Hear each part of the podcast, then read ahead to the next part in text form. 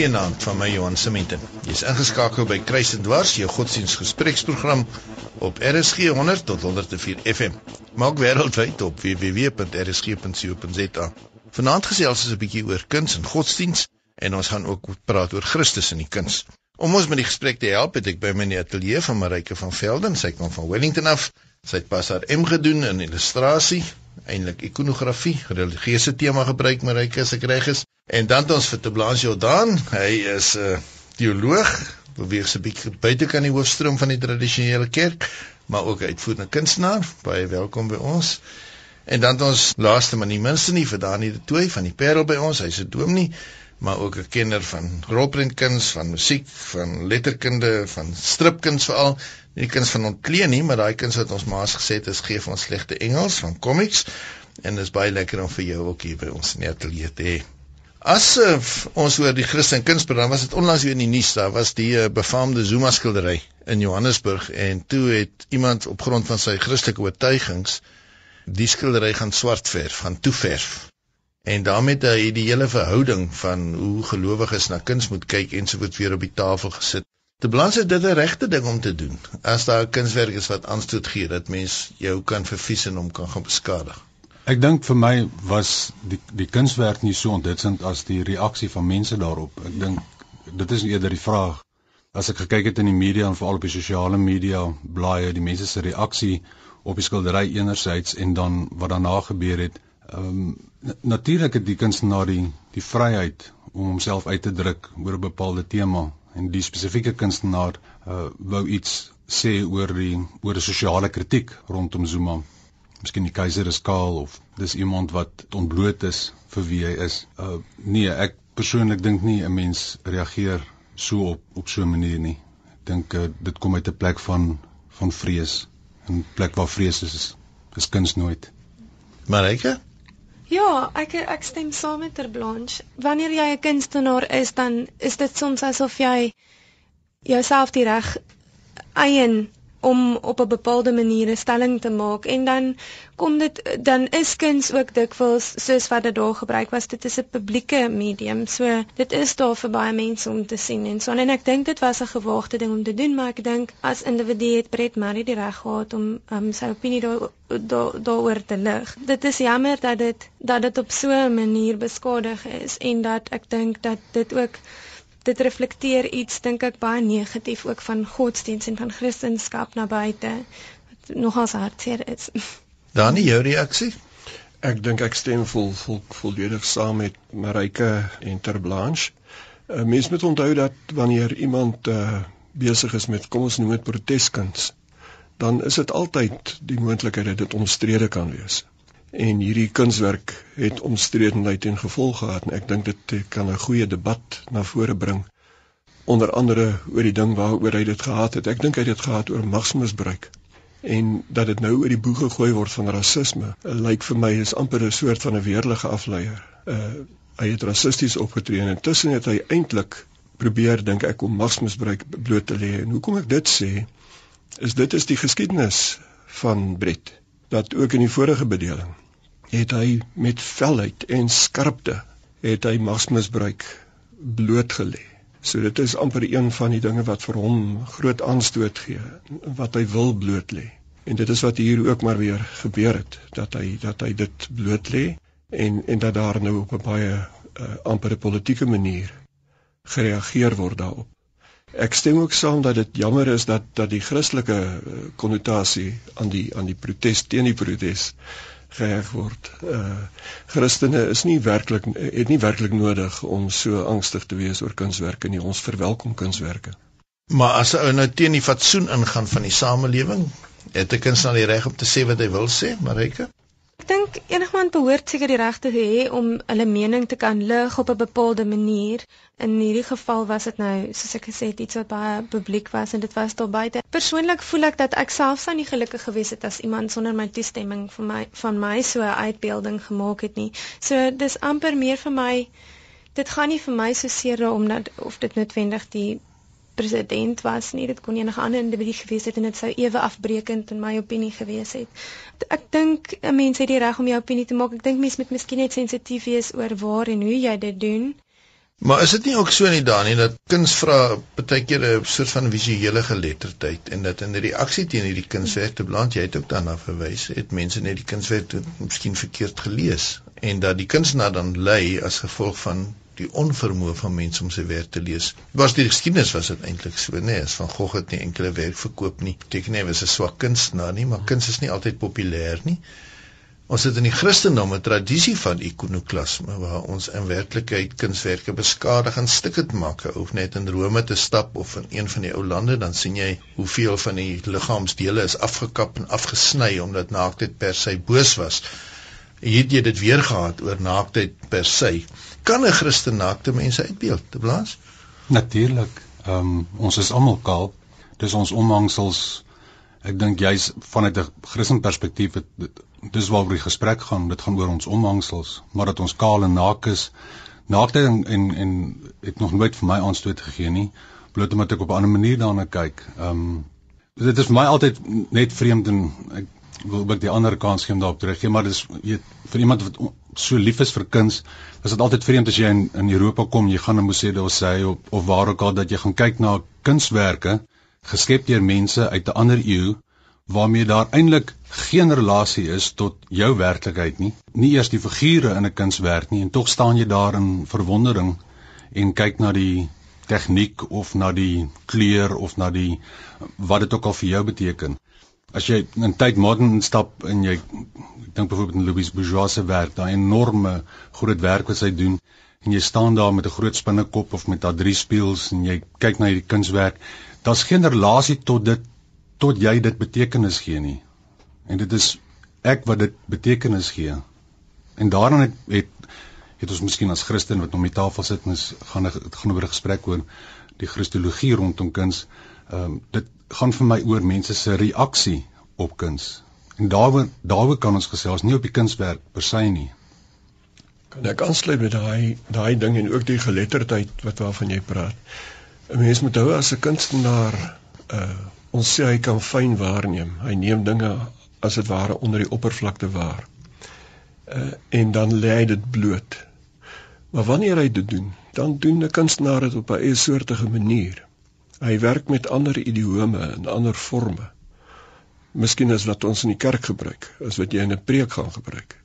En daarvoor moet ons uh, agting hê en en 'n sensitiwiteit hê en en om jou woord te gebruik 'n geletterdheid hê jy moet moet sien dat hierdie forme en inhoude of of op 'n ander manier inhoud kry as wat ons eh, sê maar in die journalistieke wêreld of in die politieke wêreld of in die kerkwêreld daarin gee.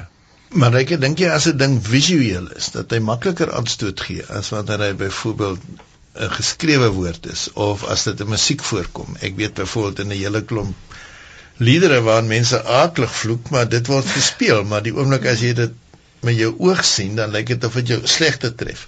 Ja, ek ek dink mense onderskat miskien die die krag van die visuele. Ons is so elke dag um, in in ons moderne wêreld gekonfronteer met um, met die visuele reg om ons en die hele tyd. En ek dink dit het 'n enorme impak op 'n mens se verstaan van die wêreld en van jouself. Um ek dink definitief die visuele um is is 'n baie sterk medium en daarom de, het ek begrip daarvoor dat mense baie uh, reaksionêr is teenoor visuele kuns veral en ook ek dink ek dink die visuele ek dink mense voel bedreig um juis omdat dit so 'n kragtige medium is. Maar is dit nie ook nie dan nie omdat ons normaalweg dink as ek kuns bevoel in my huis hang dat dit mooi moet wees. Hmm. Baie mense sal in 'n kunsgalery instap en sê ek kan dit nooit in my huis hang nie en dan skryf hulle daarmee as dit ware die kwaliteit esteties of andersins van hierdie kunswerk af. Moet kuns mooi wees. Nat natuurlik dink ek moet ons daarop sê natuurlik hoef dit nie mooi te wees nie. Uh, die krag van die beeld is daar. Een prentjie is 1000 woorde werd sê die mense. Maar die kunstenaar beeld die werklikheid uit. En die werklikheid is nie net mooi nie. Daar's baie pyn in die werklikheid, daar's baie onreg in die werklikheid. Daar's verskriklike goed in hierdie werklikheid. En uh, byvoorbeeld ek dink byvoorbeeld aan een of van die groot kunswerke in in in hierdie afgelope 10 jaar is gemaak na die tsunami in 2004 en daar is ontroerende goed gemaak, maar dis nie noodwendig mooi nie. Dis ontroerend, dis skokkend, dis aangrypend, dis dis dit maak jou seer om daarna te kyk. maar dit is uh, groot kuns wat die werklikheid uitbeeld. So natuurlik is daar ook kuns wat die skoonheid uitbeeld en wat dit vier en wat die mooiheid van die skepping uitbeeld. Maar terselfdertyd word al hierdie ander negatiewe dinge ook verbeeld in die kuns en dit is dit dit val op die kunstenaars dit rein om dit te doen. Te blaas? Ek sit en luister. Weet praat ons oor kuns of praat ons oor jy weet is die gesprek oor kuns?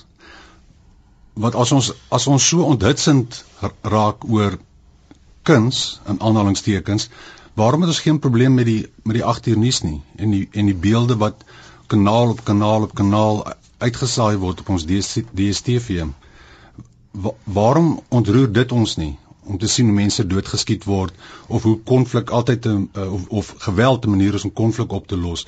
En dit in die naam van kuns of van 'n film, dit kan ons deur 300 kanale blaai.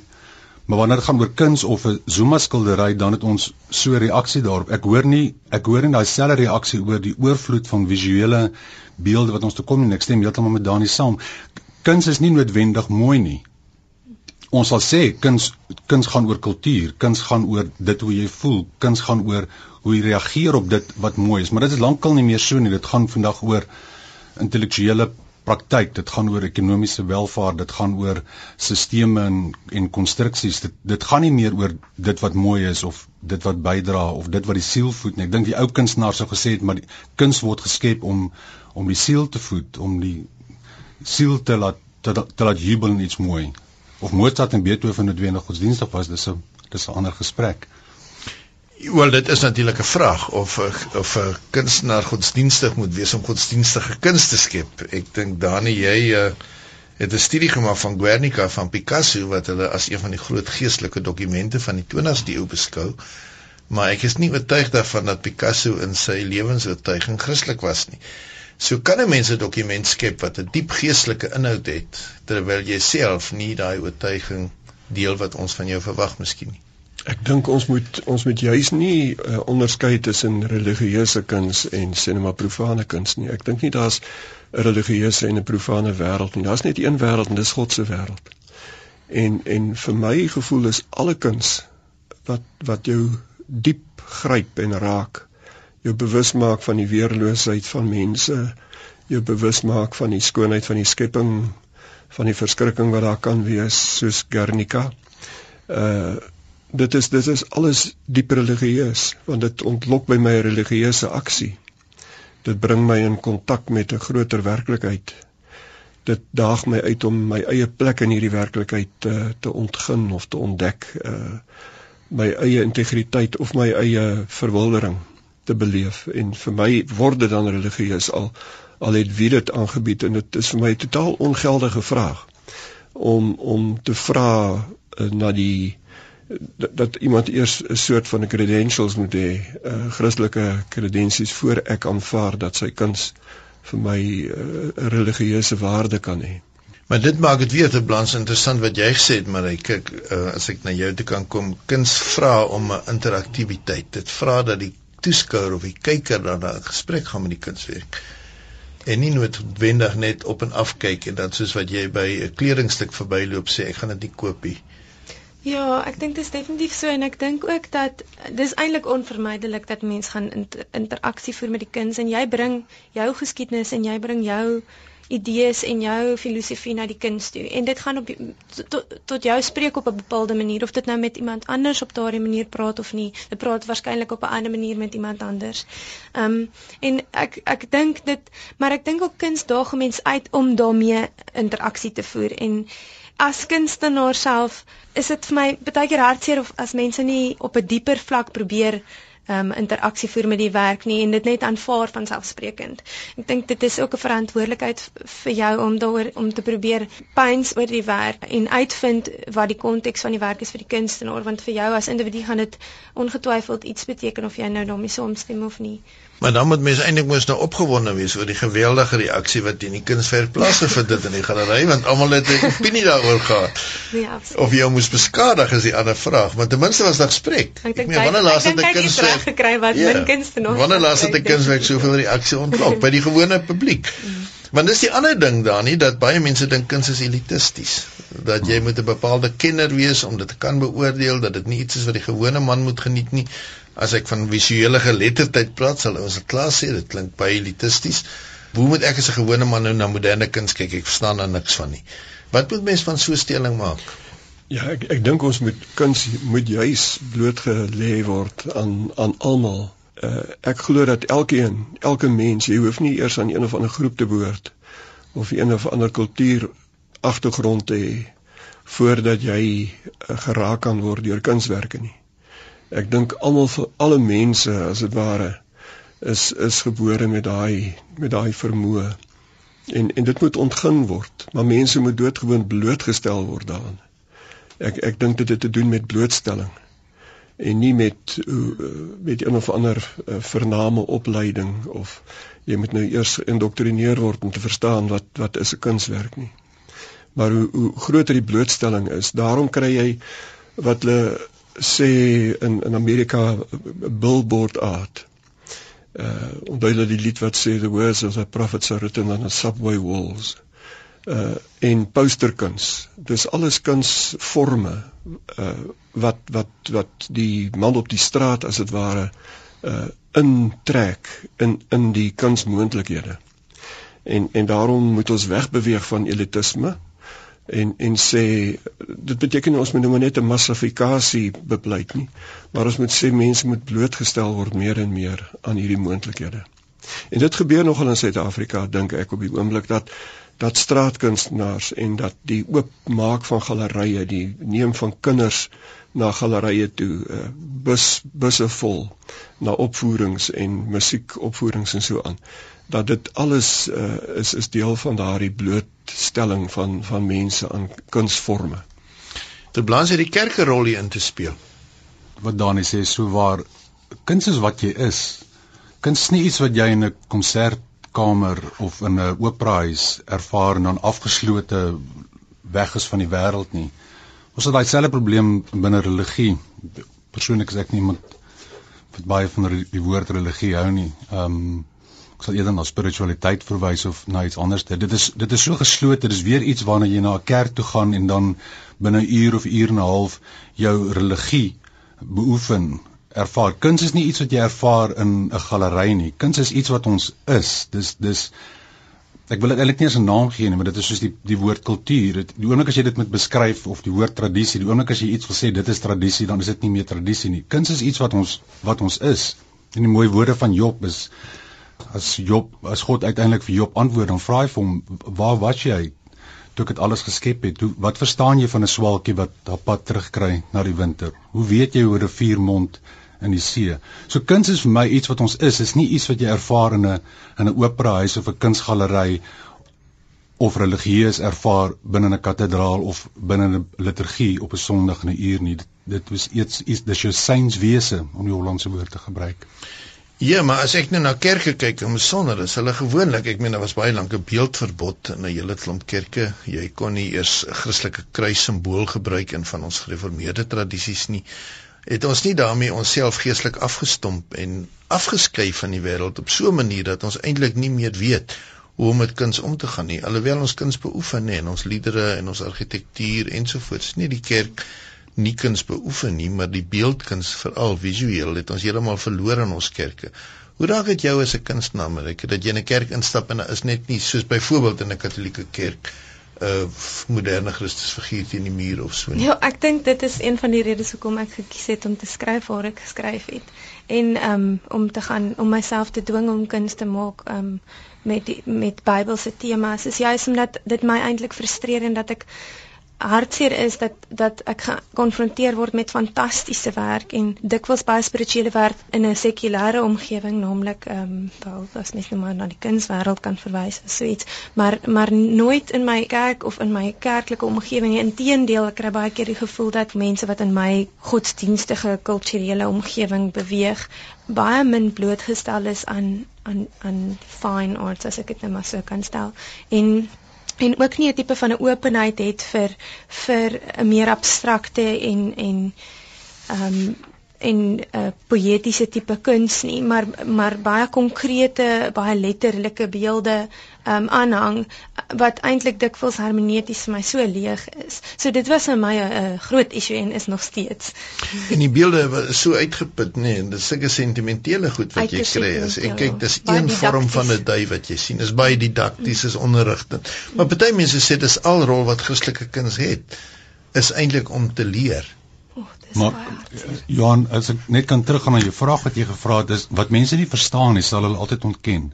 Wat mense nie verstaan nie, sal altyd vrees inboesem. En as jy die geskiedenis ken van ikone, ek is seker sy kan vir ons baie meer daarvan vertel, maar in my agtergrond by die Grieks-Ortodokse Kerk is is is ek geleer in die ikone van ikone vertel verhale oor geskiedenis en eeue toe mense nie kon lees nie. So die beelde in die in die afbeeldings wat gemaak is was om die storie te vertel om om mense te herinner uh aan dit waarvoor hulle staan en dit wat hulle is. So die wat mense nie verstaan nie om in 'n Katolieke kerk of Ortodokse kerk in te stap en die ikone te sien word verkeerlik ontken uh van vanuit 'n plek van van vrees want ek ek verstaan dit nie. Dis dis nie vir my bekend nie en daarom moet ek myself daarvan distansieer.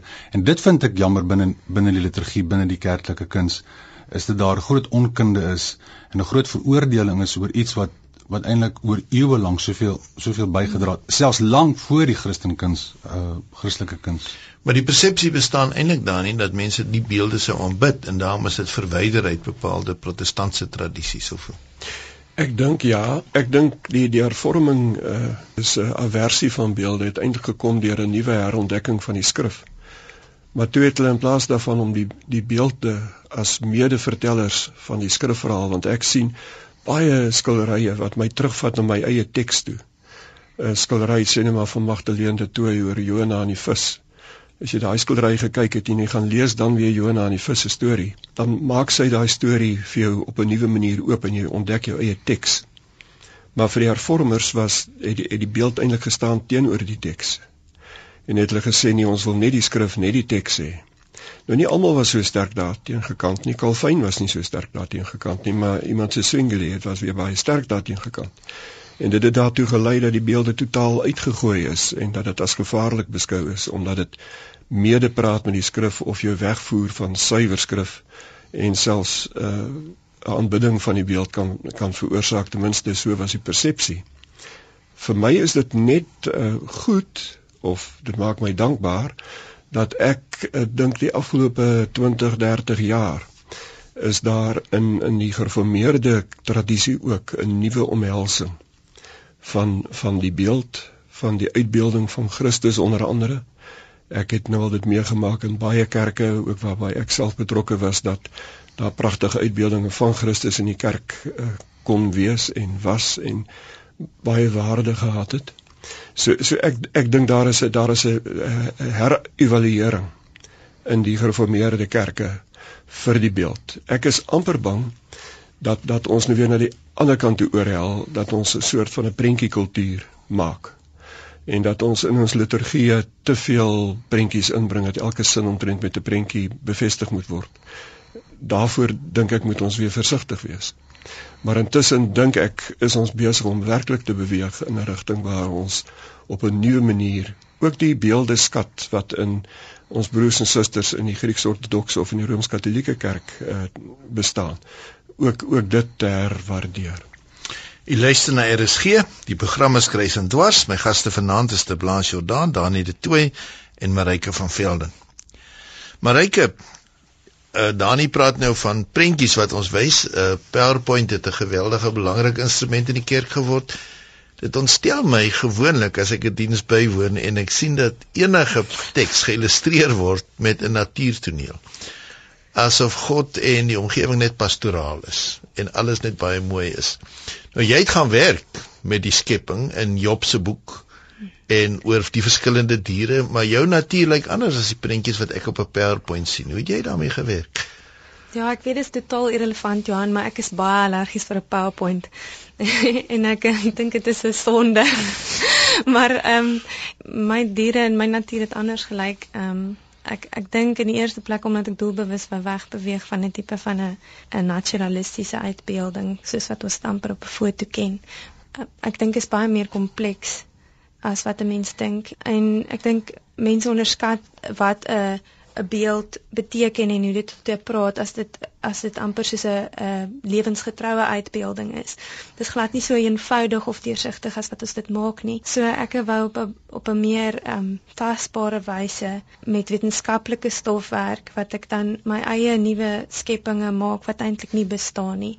Ehm um, omdat jy dan nie daai tipe van 'n verwagting skep dat dit dat dit die werklikheid is nie, maar dat jy eintlik dalk praat van 'n ander werklikheid dink dit dwing mense om ook terug te gaan na die skrif toe op op 'n nuwe en 'n ander manier. Want jy het 'n woorde geskep. Jy het, jy het inderdaad met die teks omgegaan en uit die teks het jy prente gemaak, maar jy het ook woorde geskep. Dit was vir jou 'n gedig. Ja, dit was 'n gedig. Ehm um, ek het woorde geskep ja en ek wou doelbewus ehm um, die speling tussen woord en beeld uitbeeld op 'n baie eintlik letterlike wyse.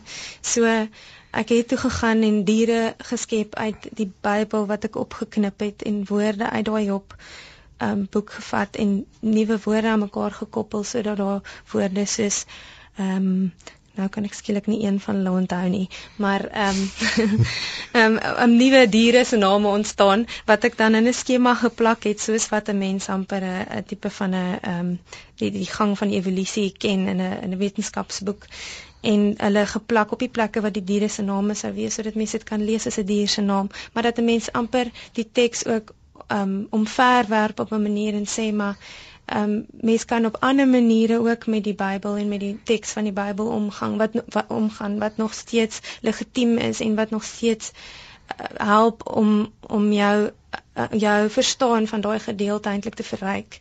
Ek raak so lus om dit te lees wat jy gesê het. Kan ek net twee dinge sê? Die een ding wat ek baie van hou wat Marike sê is dat die beelde wat sy geskep het jou eintlik weer terugneem, want ek glo regtig dat die die kuns jou kan terugneem na jou eie teks toe en dit vir jou ontsluit en dit hou ek baie van. Kan ek net op 'n ligte noot ook sê ek ondersteun ook haar onrus oor ehm um, oor die oorgebruik van PowerPoint al het PowerPoint 'n bepaalde waarde in sekere aanbiedinge is ek baie bang in ons liturgiese wêreld as ons as ons dit as ek een voorbeeld kan noem.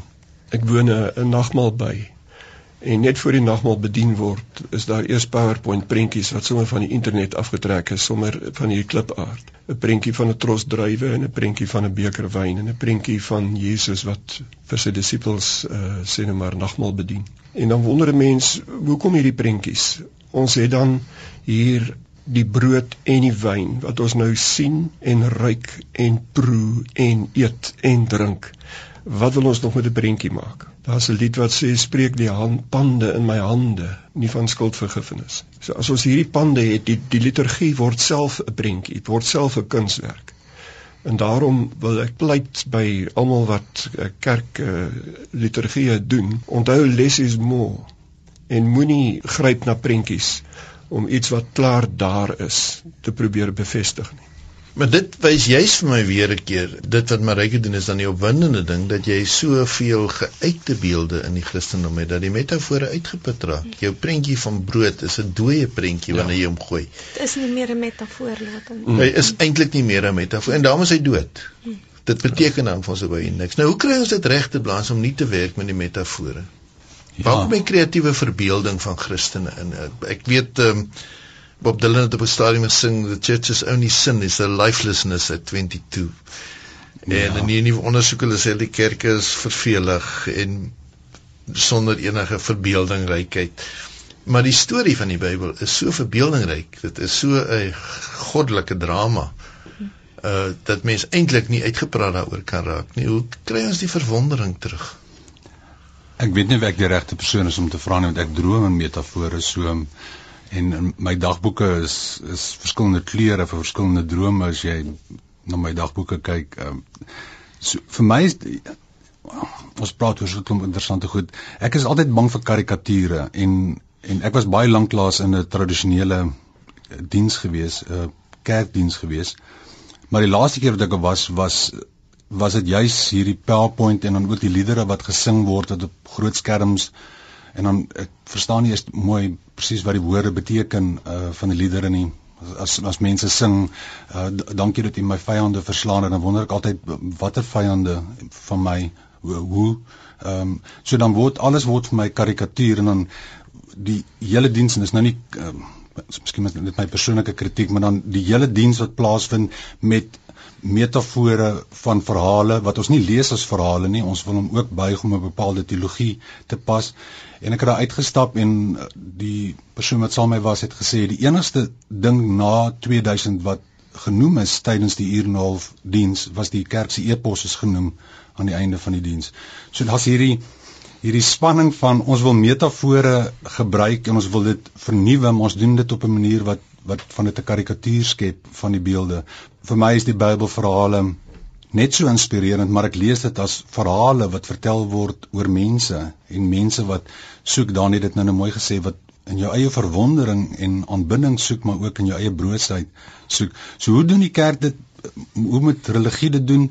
Dit weet ek nie. Ek dink dit moet begin in jou eie stilte. Ek dink dit moet begin in jou in jou eie spasie van waar jy weet dis die verskil tussen Judaïsme en die en die Griekse invloed is dat die in die die Talmud sê jy weet alles wat God is is mooi. Die Hellenisme sê alles wat mooi is is God. En daar was altyd hierdie spanning gewees ook in in in kerkkuns daaroor dat om om die in die mooi dit alles te sien en in, in die mooi te soek en nie die mooi 'n karikatuur te maak ek persoonlik hou geweldig baie van graffiti kuns ehm um, vir al die laaste 10 jaar.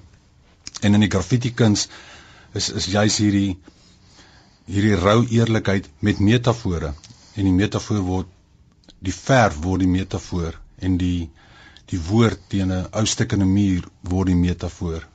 Jy kan nie 'n metafoor, oomblik as jy 'n metafoor weer eens wil beskryf as metafoor dan verloor hy ook weer sy betekenis. En dit sou beteken dat dat jy mistiek en misterie in jou erediens sou moes hê of nie? Waarom nie? Absoluut. Dani? Ja, ek stem daarmee saam en en saam daarmee wil ek probeer sê ons moet pas op dat ons nie vinnige en maklike oplossings kry nie. Dit voel vir my baie kerke het elke 5 jaar het ons 'n nuwe oplossing.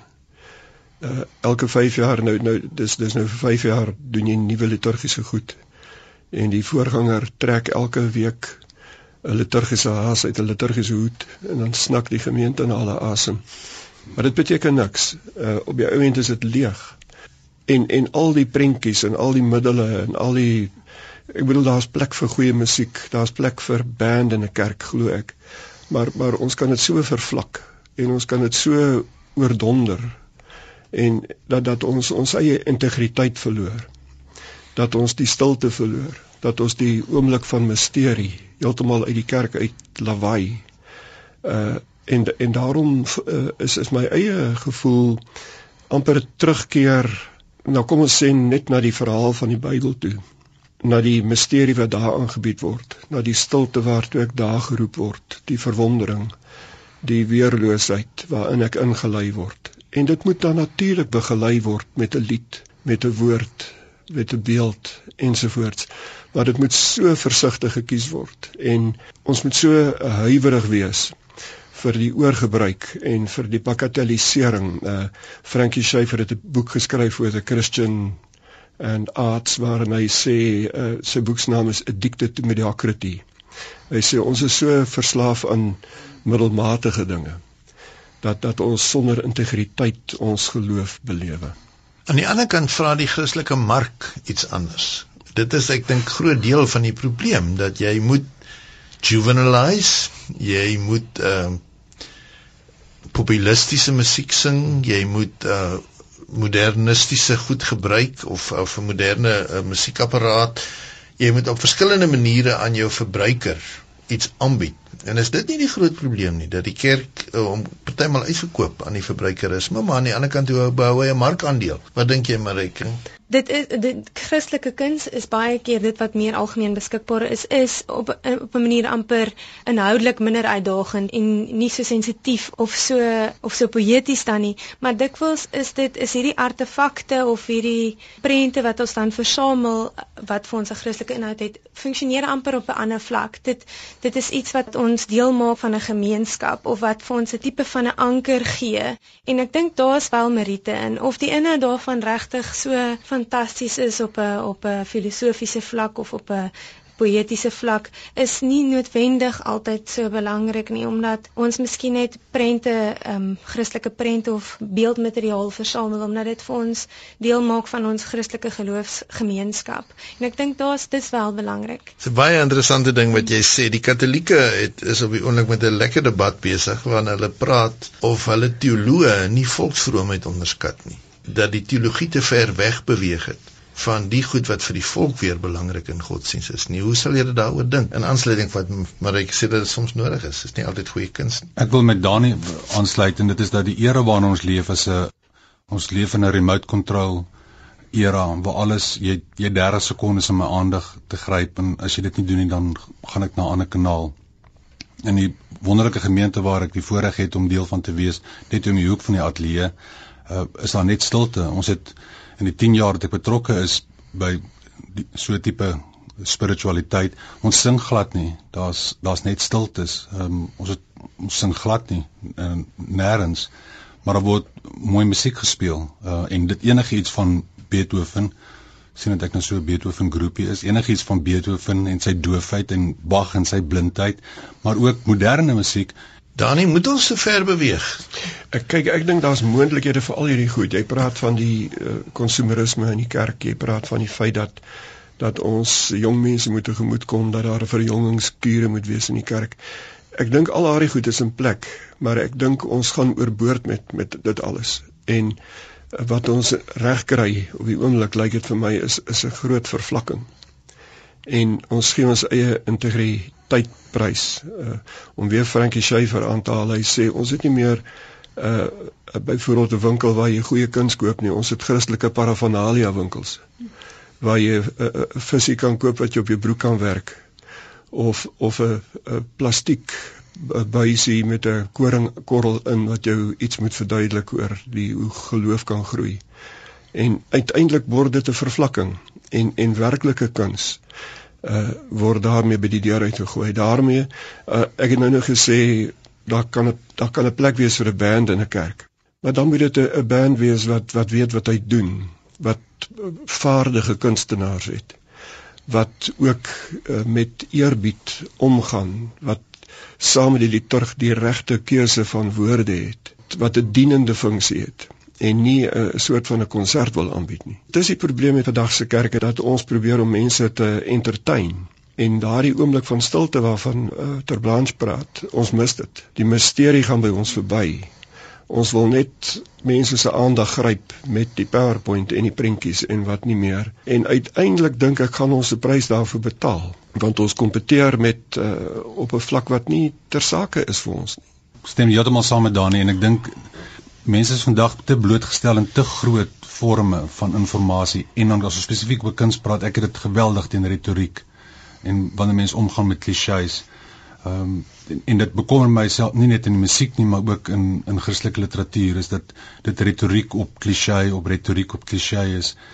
En kuns is tog iets ook oorspronklik. Kuns is tog iets wat uit uit iets nuut nuut skep en nie net met retoriek en klisjé omgaan nie. Dit is iets wat vir my geweldig pla binne 'n um, Christelike milieu van vandag. Ek voel um dikwels ook asof mens vergeet dat die Bybel self ook 'n bron van misterie is. So dis vir my soms asof die Bybel ook geëik raak in die wyse waarop dit uitgebeeld word, asof ons nie ook aan nuwe maniere of nuwe oplossings soek om dit te verbeeld nie, want dit is eintlik 'n baie baie diep bron van misterie in my opinie. En ek dink daar's sulke fantastiese poësie in die Bybel en sulke fantastiese um uh, verhale en beelde wat nie so wat nie sulke konkrete letterlike antwoorde vir ons bied nie, maar eintlik amper 'n deur oopmaak vir ons om ons verbeelding ook te weier aan te wend en nuwe idees en nuwe forme en nuwe werklikhede te kan ontdek in die proses. En ek mens amper mense wil die Bybel ook op 'n manier benader dat mense dit meer oopmaak en nie meer toemaak nie. Daardie dit. Baie baie dankie. Julle het hiermee 'n klomp gelowiges uitgedaag om uit hulle alledaagse te klim en hulle tweedehandse klere af te gooi en nie amper kaal voor God te dans met hulle eie weerloosheid. Baie dankie aan my gaste, aan Daniël de Tooy en Marika van Velden en te Blanche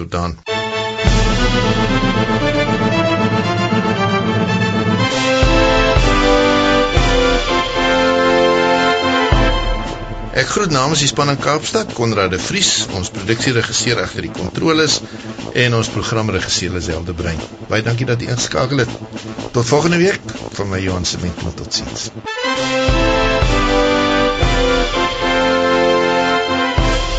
Kruisendwars word versorg deur Worldwise Media.